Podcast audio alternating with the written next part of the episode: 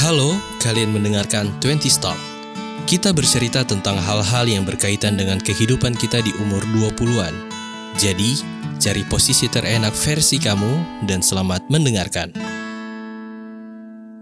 Halo teman-teman semua, balik lagi bareng kita 20 Stock dan pada episode kedua ini kita bakal bahas banyak hal tentang uh, sikap bodoh amat gitu. Jadi dari di episode kedua ini gue masih ba bareng Dirga ya gak? Halo. Halo. Iya, kita bakal bahas tentang sikap bodoh amat uh, sebenarnya gak penting gak sih Uh-huh. gitu ya. Uh, karena kita lihat sebenarnya banyak apa ya hal-hal yang relate dengan kehidupan kita itu ada uh, sir- di circle kita aja yang sedikit ini banyak hal yang uh, sering kita lihat ya. Ada beberapa orang yang pengen ngurusin banyak hal, pengen terlibat benar, di benar. banyak hal. Ada juga beberapa orang yang ya kalau merasa nggak terganggu dengan kehidupannya dia yang nggak eh, nggak nggak nggak ingin terlibat gitu dan ada juga orang yang memang bodoh amat nggak mau terlibat dengan apa pun mau ada hubungan atau enggak ya dia bodoh amat gitu. Iya, Nah, iya. Nah kita bakal bahas itu gak sebe- eh, pada episode kedua kali ini. Jadi eh, di umur kita yang sekarang nih ya, yang under 30 ini sikap bodoh amat itu penting gak sih gitu. Jadi teman-teman semua eh, semoga bisa eh, enjoy ya mendengarkan podcast ini sampai selesai. Harapannya sih begitu. Iya. Semoga bisa nyaman ya.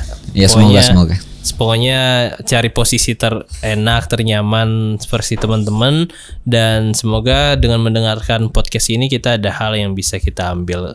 Ini sifatnya gue sama Dirga nggak menggurui, cuma kita pengen eh, sharing aja ya gak ya eh, berbagi ber- Em, belajar sama-sama sih belajar Mas sama-sama ya. Eh, lebih ke belajar sama-sama sih ya. Iya. mungkin teman-teman juga bisa setelah dengar podcast ini bisa hubungi kita ya kalau ada ingin didiskusikan atau apa gitu kan. Bisa mampir ke Instagram kita gitu kan. Ada gua GHR Tike ada Dirga Monto. Iya kamu tuh. Heeh, gitu. Karena em, gini, karena ada satu hal yang menarik ya untuk kita berdua atau kita yang di sini di 20 Stock ini em, dengan adanya podcast ini kita kan akhirnya belajar, Heeh, bener riset. iya Nah, itu jadi salah satu hal yang secara tidak sadar kita juga berkembang. Em, akhirnya menjadi sesuatu jadi seseorang seseorang yang lebih baik insya Allah. Iya amin ya dan ya gitulah pokoknya Nah. oke uh, anytime. Wih, sadar sih. Oke kita bakal masuk uh, back to the topic ya. Sikap bodoh amat kita penting gak sih gitu kan? Iya. Uh, jadi kayak tadi gue udah ceritakan soal fenomena-fenomena di sekitaran kita ya sebenarnya.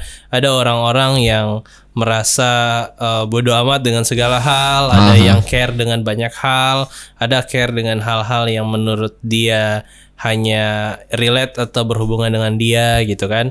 Jadi kita banyak menemukan uh, hal-hal ini gitu kan. Nah dengan uh, beberapa orang juga merasa dengan melakukan banyak hal itu ada yang merasa ter- membantu orang, ada juga malah yang terbebani atau banyak pikiran, Iya. akhirnya kan overthinking lah dan lain sebagainya gitu. Nah kalau menurut lu, lu memandang ini sebenarnya gimana nggak sikap bodoh amat ini di umur kita ini se- sebenarnya gimana lu mandangnya?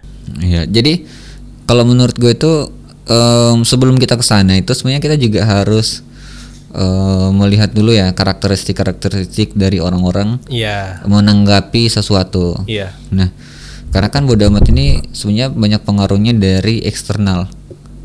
Nah, ada be- ada beberapa jenis sorry karakter orang, ada empat karakter orang dalam hal menanggapi em, info atau pembicaraan dari luar oke. ke dalam diri dia. Nah, jadi karakternya tuh simple sebenarnya ya. Mm-mm. Nah, pertama itu adalah orang yang cepat tersinggung dan lama banget lupa. Oke, jadi nyimpen ya, Iya, nyimpen, nyimpen. dalam hati ya. Memaafkan tapi nggak melupakan. gitu Iya. ya. Tapi nggak tahu juga ya memaafkan ya. Uh, oh bisa iya, jadi juga sih. bisa jadi dia dendam dan Bi- bisa jadi bertahan seterus-terusnya. Yang pertama cepat Terlepas- tersinggung dan lama lupa Iya. berarti ya. Terlepas dari dendamnya mau baik atau enggak ya. Kan ada dendam yang oke, gue buktikan gue jadi orang yang Oke, lebih baik. Nah, tapi itu terlepas dari itu ya. Intinya cepat tersinggung dan lama lupa. Iya, heeh. Nah, yang kedua itu ada juga yang cepat tersinggung tapi cepat lupa. Oh gitu. Iya. Oke oke. Jadi disenggol dikit tersinggung tapi Ah. itu ya udahlah tapi gitu. cepat berdamai gitu. Iya. heeh. Ada juga yang ketiga itu orang yang tidak mudah tersinggung, tapi sekali tersinggung itu ngambeknya tuh lama banget. Oh gitu. Kayak siapa tuh gak? Sebut nama bisa nggak nih? Sebut merek. Jangan dong. nah, terus ada yang keempat, yang terakhir itu susah tersinggung, Heeh. sorry, tidak mudah tersinggung Heeh. dan cepat lupa. Oh, Ketika dia oke. pun tersinggung, dia cepat lupa. Nah, kalau dari em, pendapat-pendapat orang-orang di luar, baiknya sih yang keempat ini. Iya. Jadi karakter-karakter itu mempengaruhi juga ke yang tema kita pada hari ini. Bodoh amat penting nggak? Karena em, tergantung dari karakter. Kalau misalnya karakter kita kita petakan di antara 1 sampai 4 ini dan kita dapat oh kayaknya gue yang ini nih yang nomor sekian. Heeh. Nah, kita bisa lebih gampang untuk memetakan bagaimana kita memaintain info-info yang masuk. Iya benar. Nah, gitu. Jadi at least kita harus kenali dulu diri Iya, kita iya, ya iya, iya, sebenarnya benar. ya. Kalau setahu gue tuh ada ada beberapa banyak orang juga sih yang udah nulis tentang sikap-sikap bodoh amat ya. Tapi salah satu penulis yang happening banget waktu 2000 kapan ya? 2018 apa 2019 Iya, ya? sekitaran. Sekitaran segitu ya yang Ya, Jadi- koreksi lah kalau ada yang Ah, kalau kita ada salah. yang pernah baca tapi sa Iya. gue salah ngomong koreksi aja gitu. Eh, itu penulisnya namanya Mark Manson. Dia Iya. Mark Man- Manson. Eh, dia penulis dengan Iya, judul blogger. Iya, The Subtle awalnya Art- blogger ya? Iya, blogger ya. The Subtle Art to Not Give a Fuck. Ah, Tapi iya. di Indonesia kan itu sebuah seni bersikap bodoh amat. Hmm. Lo udah baca juga berarti? Udah baca dan baca bukunya dan ada beberapa review. Oh gitu, Yang iya gua- banyak banyak banget sih sebenarnya buat resensinya kan. Banyak, banyak. Dan menurut gue itu buku yang sangat apa ya bagus untuk dipraktekkan ya. Sikap-sikap bodoh amat sikap eh, dan itu benar-benar dia di bukunya itu mencontohkan hal-hal yang relate dengan kehidupan kita gitu kan. Monggo kalau teman-teman pengen baca eh silahkan baca. Ada eh, lu- nggak lumayan nggak tebel-tebel banget dan mudah dimengerti juga gitu. Nah eh, kalau kita lihat dari buku Mark Manson ini sebuah seni bersikap bodoh amat ini gak menurut lu apa yang eh, poin apa yang bisa lu ambil dari buku ini? Ya. Jadi sebenarnya banyak banget review ya. Terutama di YouTube. Itu banyak banget review tapi kalau yang dari gua ambil tuh ada beberapa poin.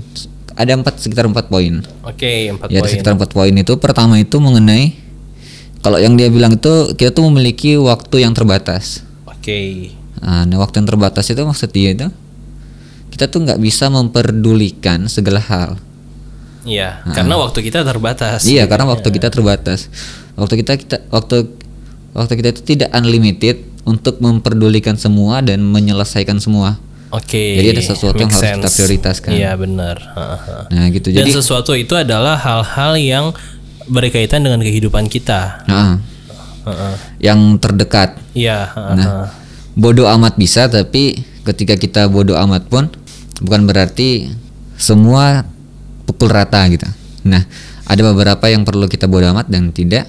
Nah, karena masalah tadi itu pertama, Iya, waktu benar. yang ter- yang terbatas.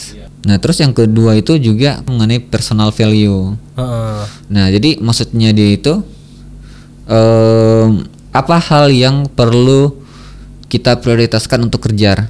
Sorry, kejar. Karena kan kalau misalnya lagi-lagi berhubungan dengan yang pertama ya, Iya. waktu terbatas. Nah, kita tidak bisa misalnya pengennya A sampai D deh. Ha. Nah, kita nggak bisa lima-lima ini kita fokus dan semuanya ini harus kita kejar. Iya. Nah, Harus ada yang diprioritaskan ya. Nah, jadi kita tuh ada satu hal yang kita anggap penting Heeh. dan itu akan menjadi sesuatu hal yang membangun personal value kita. Iya. Oke. Itu yang kedua. Iya. Terus yang ketiga, Nah, yang ketiga juga sebenarnya ber- berkaitan juga. ya. Itu yang masalah tidak akan pernah habis. Mm-mm. Nah, jadi kalau gue misalnya- ingat tuh. Nah, masalah nggak akan pernah habis. Nah, karena ini ini pendapat gue sendiri ya. Eh, ini umum sih. Tapi katanya gini hidup itu adalah masalah itu sendiri Heeh. nah hidup itu adalah masalah sendiri itu sendiri sorry kalau misalnya nggak mau punya masalah berarti mau mati Jangan sorry. hidup. iya Jangan mau hidup. mau mau nggak hidup begitu Iya. karena ya nggak ada satupun manusia di dunia ini Ya nggak ada masalah. masalah. Iya, masalah itu teman baik sih sebenarnya. Nggak nggak bisa lari. Once ngana lari, ya kan? Ya dia bakal ngejar. Ada quotes yang menurut gua bagus banget ya, Kak. Katanya you can hide but you cannot run from your responsibility gitu kan. Lu bisa sembunyi dengan segala hal yang menjadi masa lalu, tapi ya at the end lu nggak bisa lari dari tanggung jawab lu gitu gimana pun lu mau sembunyi lu pasti bakal harus eh, tetap tetap menyelesaikan tanggung jawab lu gitu Iya. kecuali lu jadi pecundang Iya. Jadi ini masalah gimana sebutannya? Permasalahan masalah ini, iya iya iya benar. permasalahan masalah ini nih ah, cukup rumit tapi enak juga untuk dibahas sebenarnya. Benar ah. Karena kalau yang kita lihat sebenarnya gini. Tadi awal dulu tadi ya, hidup tuh nggak akan pernah kehabisan masalah. Mm-mm. hidup tuh paling jago untuk membuat masalah untuk semua orang. Nah, kalau gue lihat sih, misalnya di umur anggaplah ya, ini bagi biar gampang di umur satu bikin masalah. Mm-mm. Nah, tapi dilewatin udah selesai, Mm. bukan selesai, udah lewatin aja gitu. Mm. Yang kedua bikin masalah lagi, terus ya udah lewatin aja. Nah, masalah ini sebenarnya nggak akan nggak hilang, cuma tadi itu yang di quotes itu Mhm. hanya di dianggap tidak ada Iya, padahal benar. sebenarnya ada. Nah, berjalannya waktu anggaplah kita umur 20. Heeh. Nah, masalah dua umur satu dan umur dua tadi itu masih akan tetap menghantui Iya, dan benar. gelisah itu akan terus ada. iya makanya Nah, pilihannya tuh dua. Kita kembali dan untuk bukan kembali ke waktunya, tapi kembali lagi ke apa masalah, yang Masalah, ada ha. itu. Kita selesaikan. Atau kalau memang nggak bisa ya udah, kita berdamai dengan dengan deal oke, itu satu kesalahan kita maksudnya kita harusnya akhirnya berdamai lagi kita. iya sih Kita harus selesaikan itu. Kita nggak bisa dengan em, naifnya untuk oh, itu bukan masalah. iya heeh, heeh. nah nggak usah nggak usah sok naif ya ah, ah. Heeh, benar Nah itu jadi poin ketiga itu ya. Hmm. Eh, masalah nggak akan pernah habis. Eh, manusia itu terlahir pasti punya masalah dan kalau misalnya pun mati, eh sorry, maksudnya pun nggak mau masalah ya berarti itu tandanya sudah selesai hidupnya. Iya. Tapi nggak tahu juga ya. masalah kita kan dari nenek moyang aja kita udah punya masalah Ah. ya kan dari Hawa sama Adam nah itu di gua surga itu kan masalah itu kan Nah, gue tuh baru mau bilang juga ya. Kok teringat ya? Kalau misalnya pas mati kan kita bilang kan, ya udah. Ah, Kalau nggak mau masalah berarti udah mati. Setelah itu kan ya berbeda agama, berbeda kepercayaan, berbeda pandangan ya. iya Tapi kalau misalnya ini nggak mau terlalu panjang ya di sini. ya.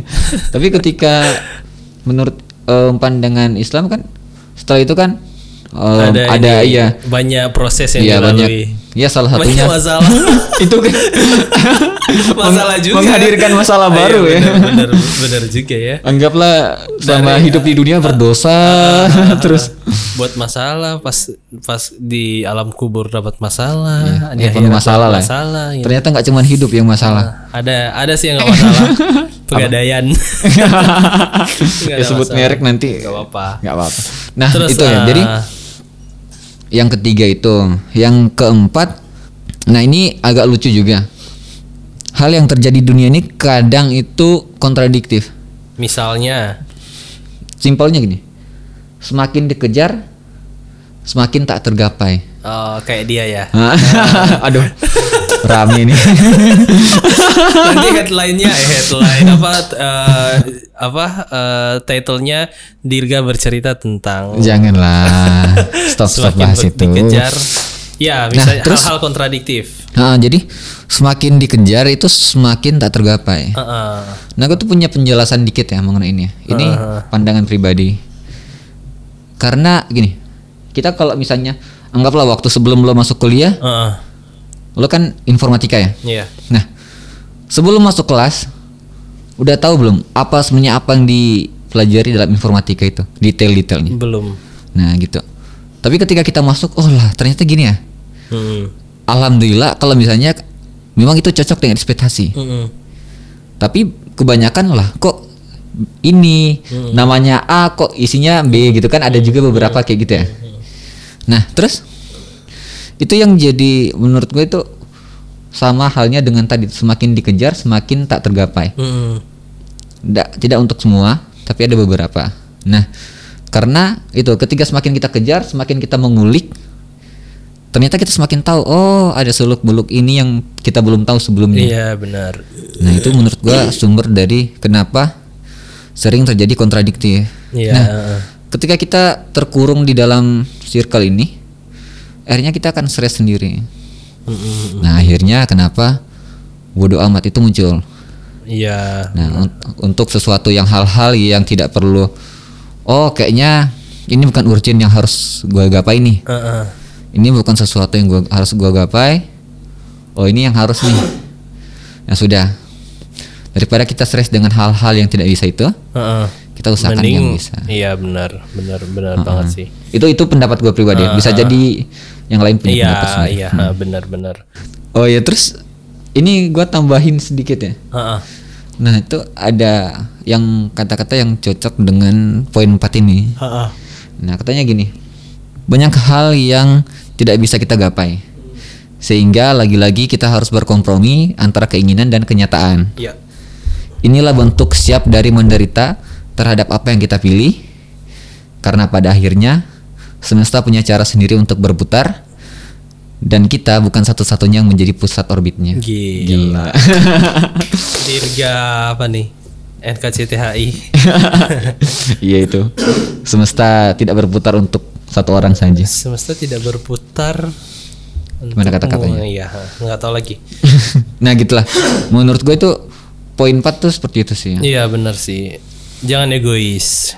Karena semesta nggak hanya berputar di diri lu doang, ya. Nah, eh, kalau sebenarnya kalau dari gua sih itu empat poin ya yang lu uraiin itu uraikan itu eh, sama juga ya men- menurut gua dari apa yang bukunya ada apa yang Mark Manson bilang dalam bukunya.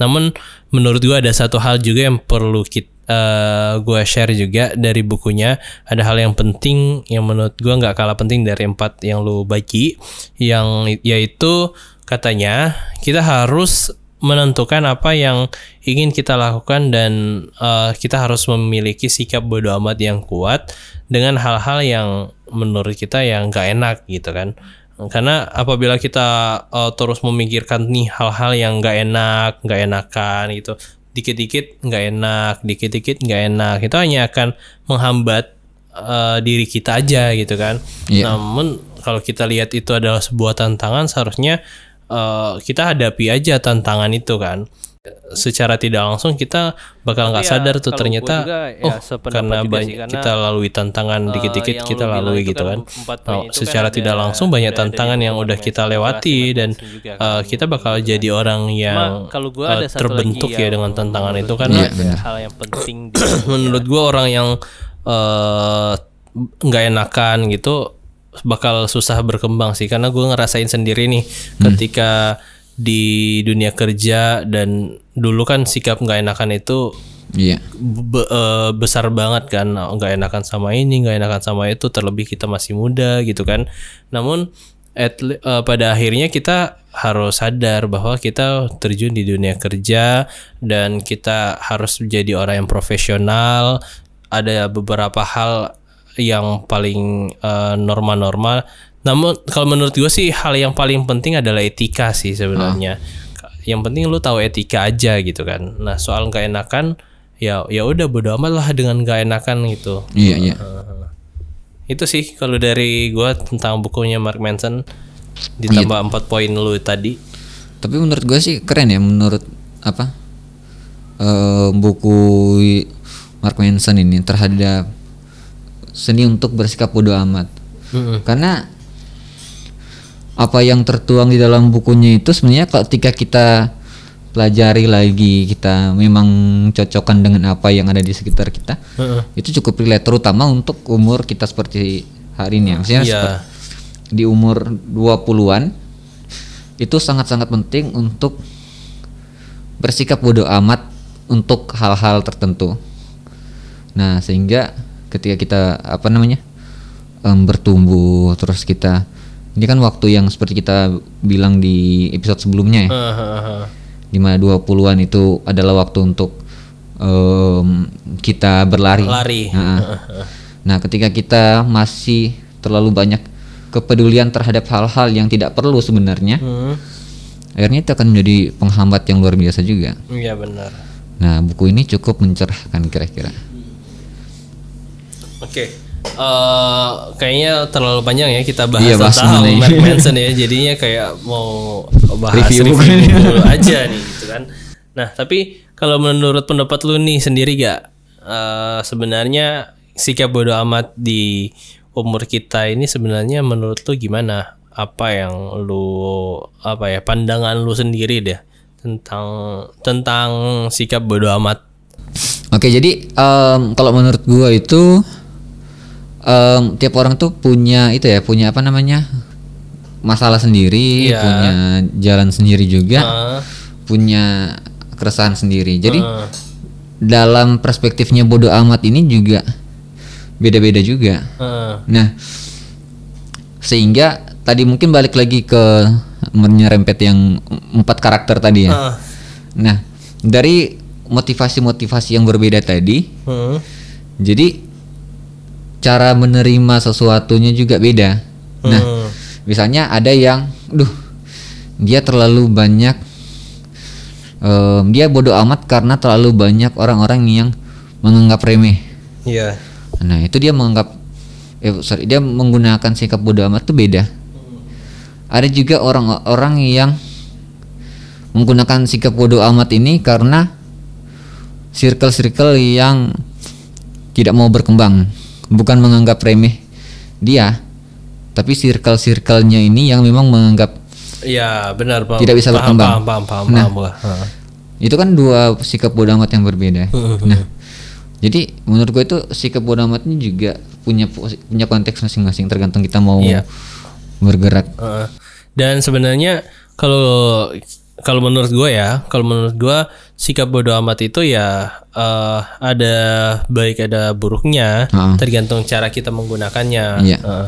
kalau kita menggunakan kayak tadi misalnya menggunakan sikap bodoh amat terhadap nggak enakan atau Iya. sikap bodoh amat terhadap hal-hal eh, negatif gitu kan sikap bodoh amat terhadap cibiran-cibiran or- orang ya kan misalnya kayak gue eh gue sekarang menurut gue sih di, di luar sana tuh di belakang sana nggak hanya satu dua orang yang ngomongin di belakang gitu kan. Tapi kalau gue orangnya ya gue nggak pernah mempermasalahkan itu dan gue ya alhamdulillahnya sikap bodoh amat gue terhadap hal-hal itu ya Udah terbentuk. besar gitu kan. Udah terbentuk. Jadi ya bodoh amat bodoh amat banget terhadap hal-hal itu dan hal-hal yang menurut gua nggak bikin gua produktif gua bakal bodoh amatin gitu kan jadi dan menurut gua hal itu yang bik- bikin gua bisa berkembang Iya. karena kalau gua habisin tenaga terhadap hal-hal negatif itu ya gua bak- nggak bakal bisa ngapa-ngapain karena energi gua banyak terkuras di hal itu gitu Iya. Nah, kalau apa namanya? Soalnya gini ya. Kata beberapa orang kan gini. Kalau kita tuh tidak bisa merubah sesuatu yang di luar kendali kita. ya Nah. ini Henry Manimpiring Iya. eh, filosofi teras nah, kita tuh tidak bisa merubah sesuatu yang di luar kita kan. Ah, ah, benar benar.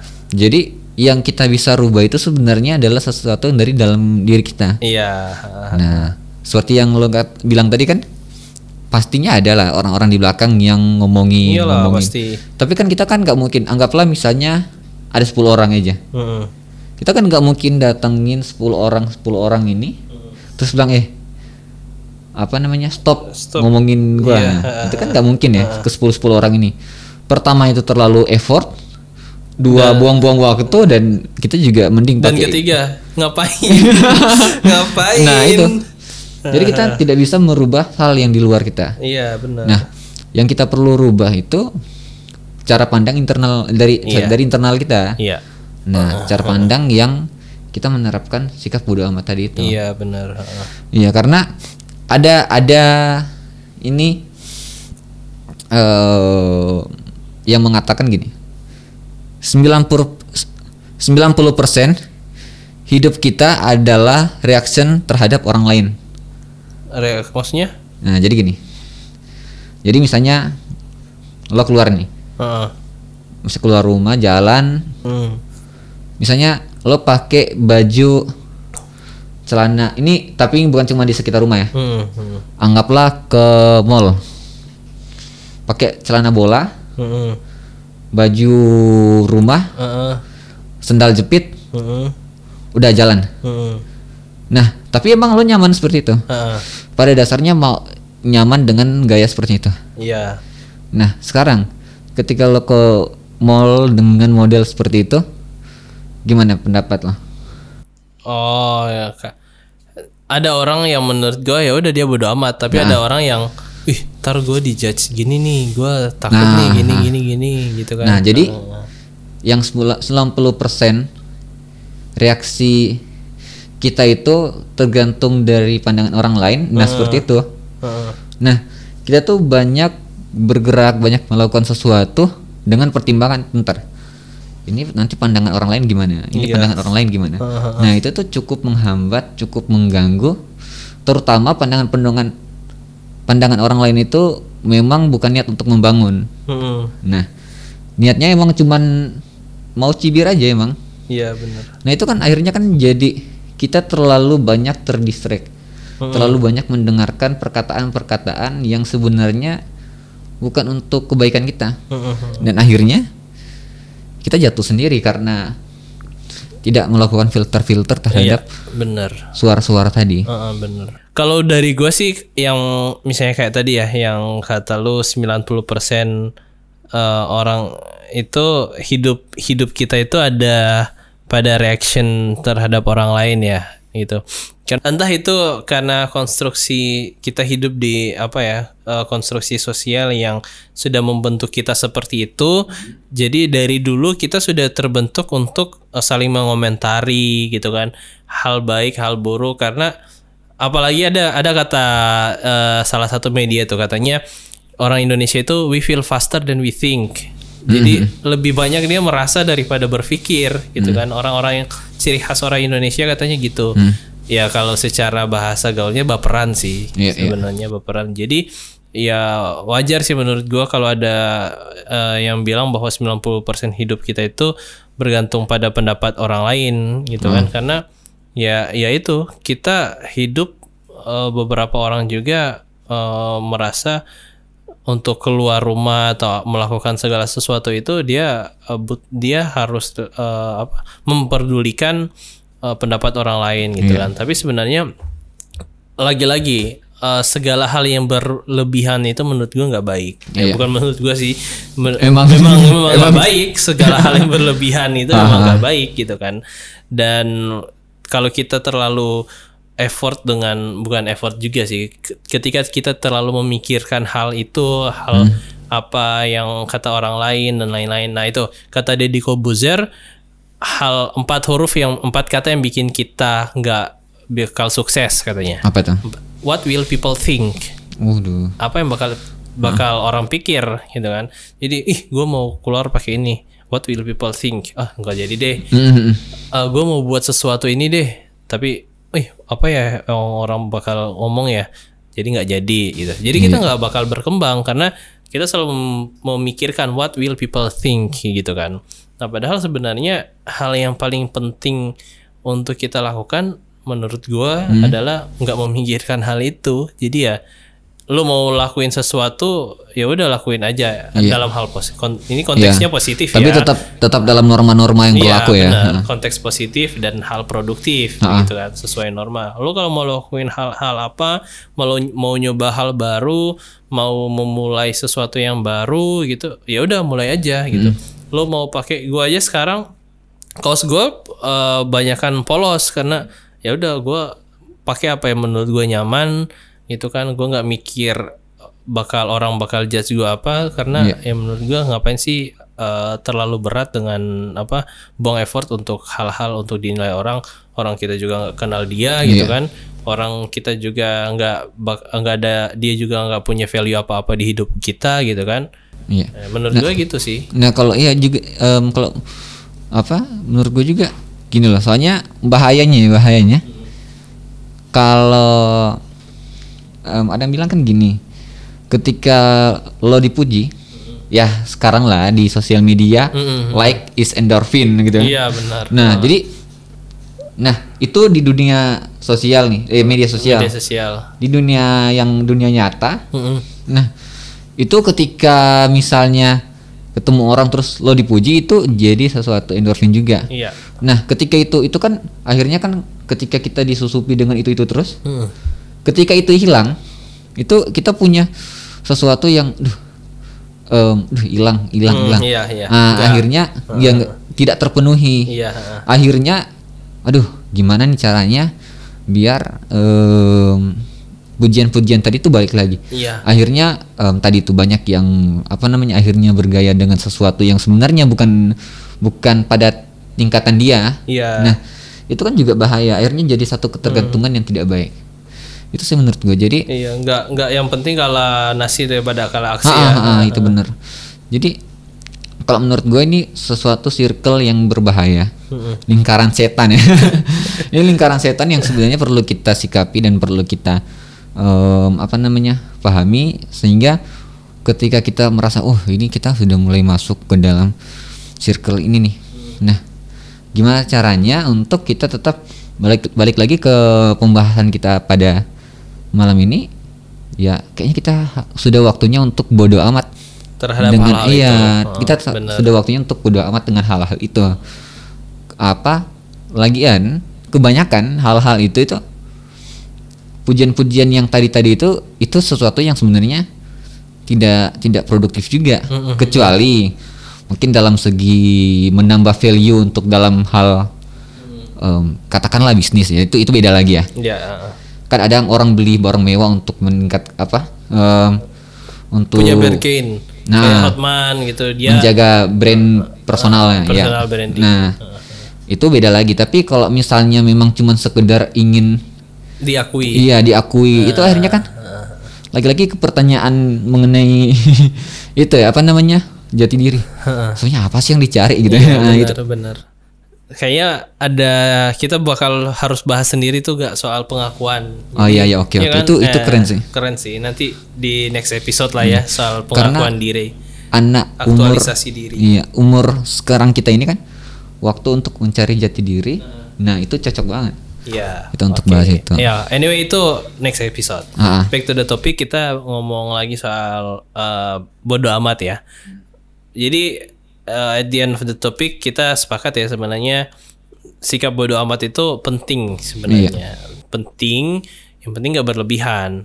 Tapi eh, penting untuk hal-hal yang negatif, penting untuk hal-hal yang nggak Iya. bikin produktif, penting untuk em, kita bisa handle omongan-omongan orang yang negatif. Penting sikap bodo amat itu penting jika eh, kita gunakan di tempat atau porsi yang tepat di Iya. kehidupan kita karena ya yang menggunakan sikap bodo amat itu tergantung sifat ala dasarnya gitu kan. Misalnya lu dan gua juga karena sifatnya beda ya kita punya sikap bodo amat yang beda juga Iya. gitu kan. Tapi at least kita sadar bahwa banyak beberapa hal di dunia ini yang kita harus bodo amatin gitu kan. Nggak semua hal kita harus taruh perhatian, nggak semua hal kita perlu eh, effort untuk melakukannya, nggak semua hal kita perlu untuk eh, apa ya? Ya nggak semua hal kita perlu, Perlu. eh, Harus semua kita dapat gitu. Heeh, heeh. nggak semua harus ada lu kayak kata lu juga kan bilang semesta nggak hanya berputar di Iya, buat satu orang buat doang. satu orang buat lu doang gitu kan semesta punya luas dan dia berputar untuk siapa saja di dalamnya gitu nah anyway gak lu ada eh, tambahan nggak sebelum closing statement deh sebelum kita eh, habiskan podcast episode 3 ini episode 2 ini sorry gue lagi ngerangkai kata untuk simpelnya ya. Jadi Hmm. em, bodoh amatlah terhadap hal-hal yang menurutmu tidak membangun Mm-mm. dan cuman menghambat. Ya, benar. Nah, tapi sangatlah em, peduli Ah, terhadap tanggung jawab yang benar-benar harus kamu pegang. Iya. Nah, jadi gitu. Bodoh amat itu ada tempatnya. Peduli itu ada tempatnya. Iya. Heeh, heeh. Oke. Jadi eh kayaknya udah cukup sekian ya untuk episode 2 kali ini.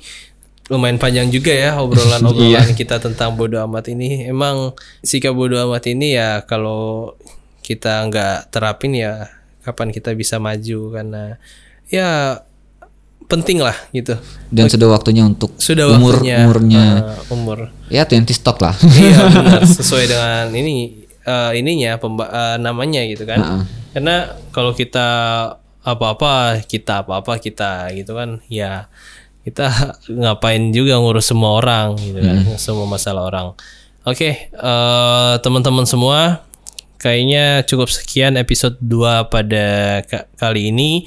Saksikan episode episode berikutnya. Kita bakal ngomongin tentang banyak hal tentang apaan aja dari eh, perspektif kita sebagai umur 20-an gitu kan.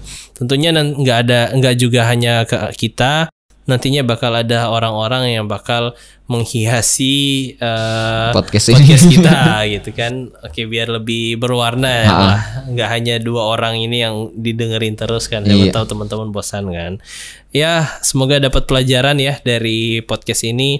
Apa yang teman-teman dengar eh, kurang lebih mau sejam ini ada value-nya lah Iya. gitu kan. Harus dong. Nah, harus insya Allah. Dan jika ada teman-teman yang pengen ngobrol langsung atau chat langsung atau eh, mengutarakan pendapat atau koreksi atau ma- memberikan masukan gitu, kita gue sama Dirga terbuka banget di Instagram kita atau di mana aja. Mungkin teman-teman udah punya WA atau Instagram silahkan. Iya, malah- kita sangat terbuka ya, gak ya? Malah lebih baik biar, ya, biar kita apa Ah, namanya ada- tahu keinginan ada maksudnya. feedback ya. Iya, feedback. Jadi si yang mendengar ini sebenarnya apa sih yang pengen dibahas. Jadi Iya kita juga tidak benar. em, jalan sendiri gitu. Ah, ah, ah.